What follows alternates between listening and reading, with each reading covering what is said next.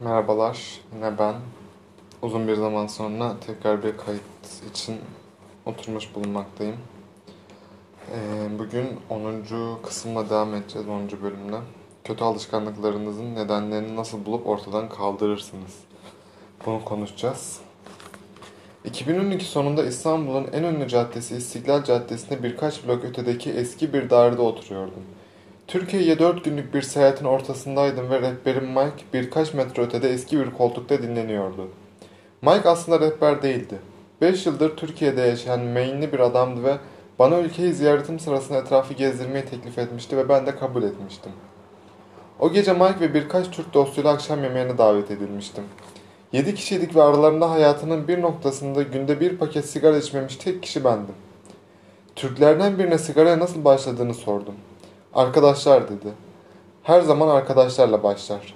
Bir arkadaşın içince sen de denersin. Asıl büyüleyici olan odadaki insanların yarısının sigarayı bırakmayı başarmış olmasıydı. Mike o noktada birkaç senedir sigara içmiyordu ve alışkanlığından Ellen Carr's Easy Way to Stop Smoking, Ellen Carr'ın sigarayı bıraktıran kolay yöntemi adlı bir kitap sayesinde kurtulduğuna yemin etti. İnsanı sigara içmenin zihinsel yükünden kurtarıyor dedi. Size kendine yalan söylemeyi bırak. Aslında sigara içmek istemediğini biliyorsun. Bundan gerçekten keyif almadığını biliyorsun, diyor. Kurban gibi hissetmekten kurtulmanıza yardım ediyor. Sigara içmeye ihtiyacınızın olmadığını anlamaya başlıyorsunuz. Sigara hiç denememiştim ama sonrasında sırf meraktan kitaba bir göz attım. Yazar sigara tirakilerinin şiddetli isteklerini bertaraf etmelerine yardımcı olurken ilginç bir stratejiden faydalanıyor.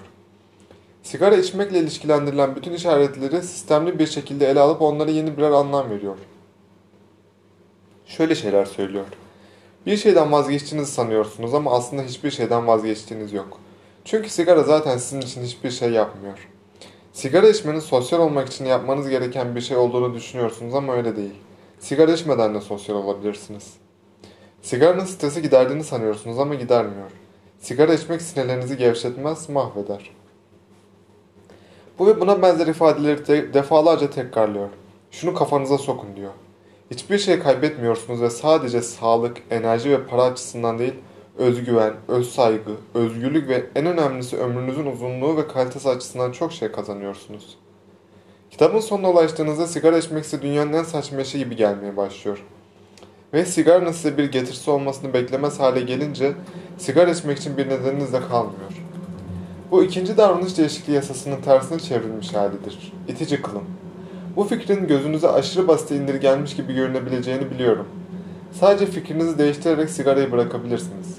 Ama bir dakikalığına benimle kalın. Şiddetli istekler nereden gelir? Her davranışın bir yüzey seviyesinde isteği, bir de altta yatan daha derin bir güdüsü vardır. Genelde şu şekilde şiddetli istekler diyorum. Taco yemek istiyorum. Bana neden taco yemek istediğimi soracak olursanız size hayatta kalmak için yiyeceğe ihtiyacım var demem. Ama aslında derinlerde bir yerde taco yeme motivasyonumun on, motive olmamın nedeni hayatta kalmak için yemek yemek zorunda olmamdır. Canım özellikle taco çekse bile altta yatan güdü yiyecek ve su elde etmektir. Altta yatan güdülerimizden bazıları şunlardır. Bu altta yatan güdüler listesinin bir kısmıdır. Daha kapsamlı listeyi bu güdüleri iş hayatınızda nasıl uygulayacağınızı atomikebis.com business sayfasından bulabilirsiniz.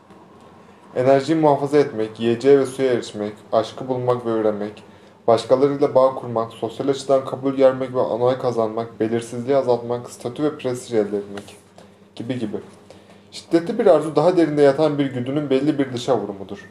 Beyniniz sigara içme, Instagram'a bakma ya da video oyunları oynama arzusuyla gelişmedi. Arzusuyla gelişmedi. Daha derin bir seviyede basitçe belirsizliği azaltmak, kaygıyı gidermek, sosyal açıdan kabul ya da onay görmek veya statü sahibi olmak istiyorsunuzdur. Alışkanlık oluşturan hemen her ürüne baktığınızda onun yeni bir motivasyon yaratmadığına, daha ziyade insan doğasının altta yatan güdülerine tutunduğunu görürsünüz. Aşkı bulmak ve yürümek eşittir Tinder kullanmak. Başkalarıyla bağ kurmak eşittir Facebook'ta dolaşmak. Sosyal açıdan kabul ve onay görmek eşittir Instagram'da paylaşım yapmak. Belirsizliği azaltmak eşittir Google'da arama yapmak. Statü ve prestij elde etmek eşittir video oyunları oynamak. Alışkanlıklarınız kadim arzulara modern zaman çözümleridir. Eski günahların yeni versiyonlarıdır. İnsan davranışının arkasındaki güdüler aynı kalır. Alışkanlıklarımız tarihin içinde oluş, olduğumuz dönemine göre farklılık gösterir. Yani bu her açıdan aslında bence aynı olmak zorunda değil çünkü bir insanın Tinder kullanması için illa aşkı bulmak ve aramak için güllenmesine gerek yok bence ya da illa herkes altı yatan sebep olamayabilir. Ya da video oyunları oynamak, statü prestij elde etmek yine çok daha farklı nedenlerle de oynanabilir. Aynı şekilde Instagram'da paylaşım yapmayı illa sosyal açıdan kabul ve onay görmek için yapmayan birçok insan vardır. İnanıyorum beni yanında. Önemli kısım şu. Aynı altta yatan güdüyü ele almanın pek çok farklı yolu vardır. Bir insanın stresini sigara içerek azaltmayı öğrenebilir. Bir diğeri kaygısını koşuya çıkarak hafifletmeyi öğrenir. Hali hazırdaki alışkanlıklarınız karşı karşıya geldiğiniz sorunları çözmenin en iyi yolu olacak diye bir şey yok. Onlar sadece kullanmayı öğrendiğiniz yöntemlerdir. Bir çözümü çözmeniz gereken sorunla ilişkilendirdiğiniz zaman sürekli ona dönersiniz. Alışkanlıklar çağrışımlardan ibarettir. Bu çağrışımlar bir alışkanlığı tekrarlamaya değer görüp görmeyeceğimizi belirler. Birinci yasayı tartıştığımız sırada ele aldığımız gibi beyniniz bilgiyi sürekli emer ve ortamdaki işaretleri fark eder. Ne zaman bir işareti algılarsanız beyniniz bir simülasyon çalıştırır ve bir sonraki anda ne yapacağı konusunda bir tahmin yürütür. İşaret ocağın sıcak olduğunu fark ettiniz. Tahmin dokunursam yanarım. Bu nedenle ocağa dokunmaktan kaçınmalıyım.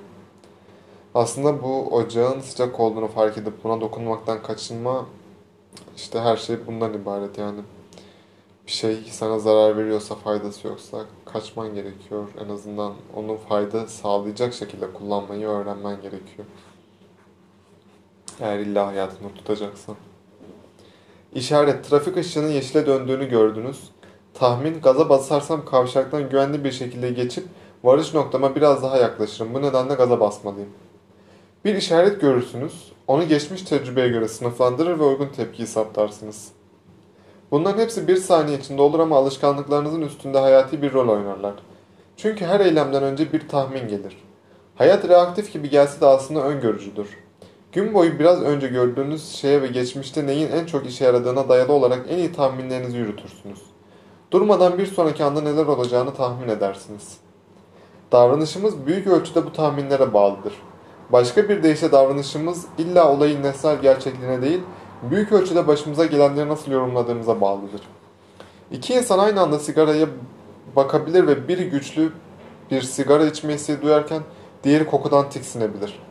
Aynı işaret tahmininize bağlı olarak iyi bir alışkanlığı ya da kötü bir alışkanlığı kıvılcımlandırılabilir.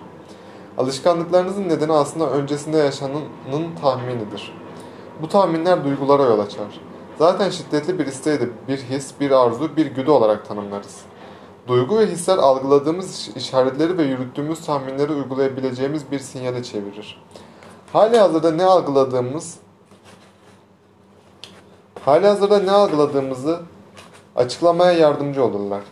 Örneğin farkında olsanız da olmasanız da şu anda sıcağı ve soğuğu algılıyorsunuz. Sıcaklık 1 derece düşse muhtemelen hiçbir şey yapmazsınız. Öte yandan sıcaklık 10 derece düşse üşür ve üzerinize bir şeyler daha giyersiniz. Üşümek sizi eyleme geçmeyi iten işarettir. İşaretleri başından beri hissediyorsunuzdur ama eyleme ancak farklı bir halde daha iyi olacağınızı öngördüğünüz zaman geçersiniz. Şiddetli istek bir şeyin eksik olduğu hissidir. İçsel durumunuzu değiştirme arzusudur. Sıcaklık düşünce vücudunuzun hali hazırda hissettiği ile hissetmek istediği arasında bir boşluk oluşur. Mevcut halinizle arzularınız arasındaki bu boşluk sizi eyleme geçmek için bir neden sunar. Arzu şu anda olduğunuz yer ile gelecekte olmak istediğiniz yer arasındaki farktır. En küçük eylem bile şu anda hissettiğinizden farklı hissetme motivasyonuyla renklenir. Kısa sürede hızlı hızlı atıştırdığınızda, bir sigara yaktığınızda ya da sosyal medyada dolaştığınızda aslında istediğiniz şey patates cipsi, sigara ya da bir sürü beğeni değildir. Aslında istediğiniz farklı hissetmektir. Duygu ve hislerimiz bize mevcut halimizde mi kalmamız yoksa bir değişiklik mi yapmamız gerektiğini söyler. En iyi eylem planına karar vermemize yardım eder. Nörologlar duygu ve hisler hasar gördüğünde karar alma becerilerimizi kaybettiğimizi keşfettirirler. Yani duygu ve hislerimize sahip çıkmamız gerekiyor ki hayatımızı doğru yönler üzerine kurabilelim yani. Duygu ve hisler basit şeyler değil. Duygusuz ve hissiz insan olmaz. Öyle bir insan olursa da doğru karar alamaz, doğru hareket edemez o zaman. Bunu çıkarıyorum ben buradan. O yüzden herkes bence kendi duygularına, kendi hislerine, kendi içinde yaşadığı ana dönüp bir bakmalı. Yani bence her insan bunu hak ediyor. Günde bir dakika, iki dakika, belki beş, on, belki bir saat.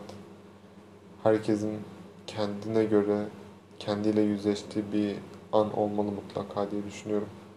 Belki bu konuşmanın sonu o anın başlangıcı olur birileri için. Neyin peşinden gideceğimize, neden kaçın, kaçınacağımıza dair sinyaller ortadan kalkar. Nörobilimci Antonio Damasio'nun açıkladığı gibi, bir şeyi iyi, kötü ya da nötr olarak işaretlemenizi duygular sağlar.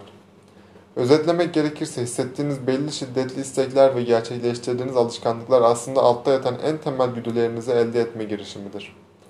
Bir alışkanlık bir güdüye, başarıya hitap ettiğinde onu tekrarlamak için şiddetli bir istek geliştirirsiniz.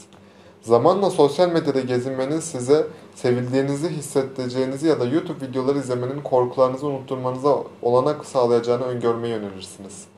Alışkanlıklar onları olumlu duygularla ilişkilendirdiğinizde çekici gelir ve bizler bu öngörüyü zararımıza olmaktan çıkarıp lehimize kullanabiliriz.